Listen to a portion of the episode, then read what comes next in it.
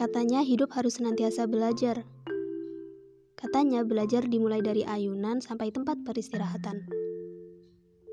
Katanya tempat peristirahatan selalu menanti kita. Katanya kita justru hanya sibuk mengejar duniawi.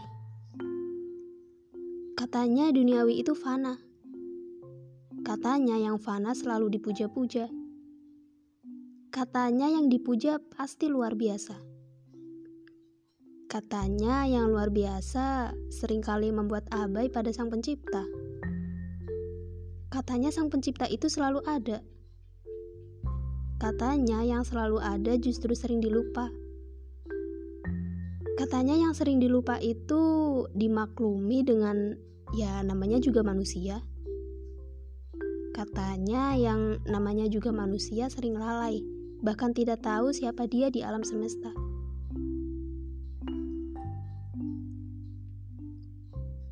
Katanya manusia senang mencari fakta. Katanya fakta sering kali dipertanyakan. Mana yang benar? Mana yang valid? Mana yang bisa dipercaya?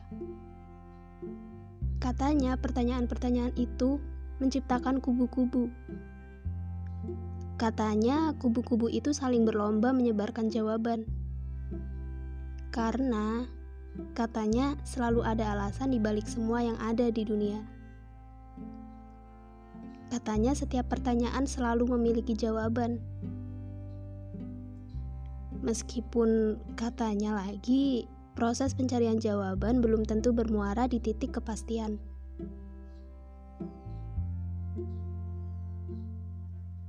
Katanya kita itu sebenarnya selalu mendengar. Katanya tapi kita jarang mendengarkan. Katanya kita kadangkala abai pada apa yang didengar atau didengarkan. Karena katanya, kadang kita hanya sekedar ingin memperbarui isi kepala dengan apa yang baru saja terjadi.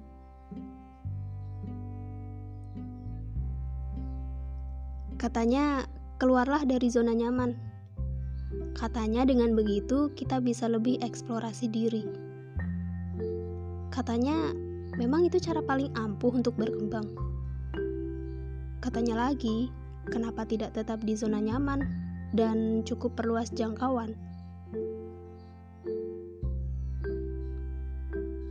Kita mendengar, kita mendengarkan, kita menyampaikan, kita mengabaikan.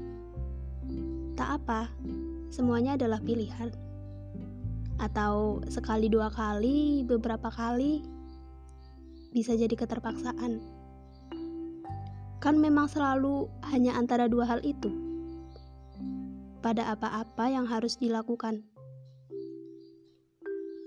Komunikasi adalah inti kehidupan, dan inti kehidupan adalah komunikasi. Katanya dari sebuah novel kehidupan.